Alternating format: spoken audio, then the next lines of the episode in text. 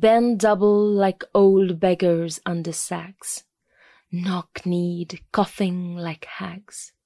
We cursed through sludge till on the haunting flares we turned our backs, and towards our distant rest began to trudge. Men marched asleep, many had lost their boots, but limped on, bloodshot. All went lame, all blind, drunk with fatigue, deaf even to the hoots of gas shells dropping softly behind. Gas! Gas! Quick, boys!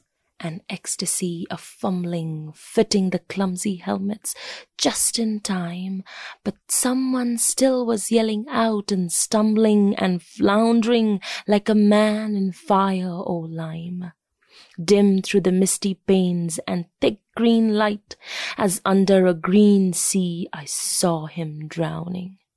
In all my dreams before my helpless sight, he plunges at me, guttering, choking, drowning.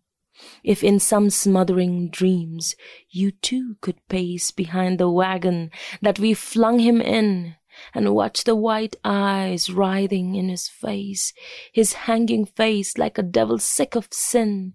If you could hear at every jolt the blood come gargling from the froth corrupted lungs, obscene as cancer, bitter as the cud of vile, incurable sores on innocent tongues, my friend, you could not tell with such high jest to children ardent for some desperate glory, the old lie, dulce et decorum est pro patria mori.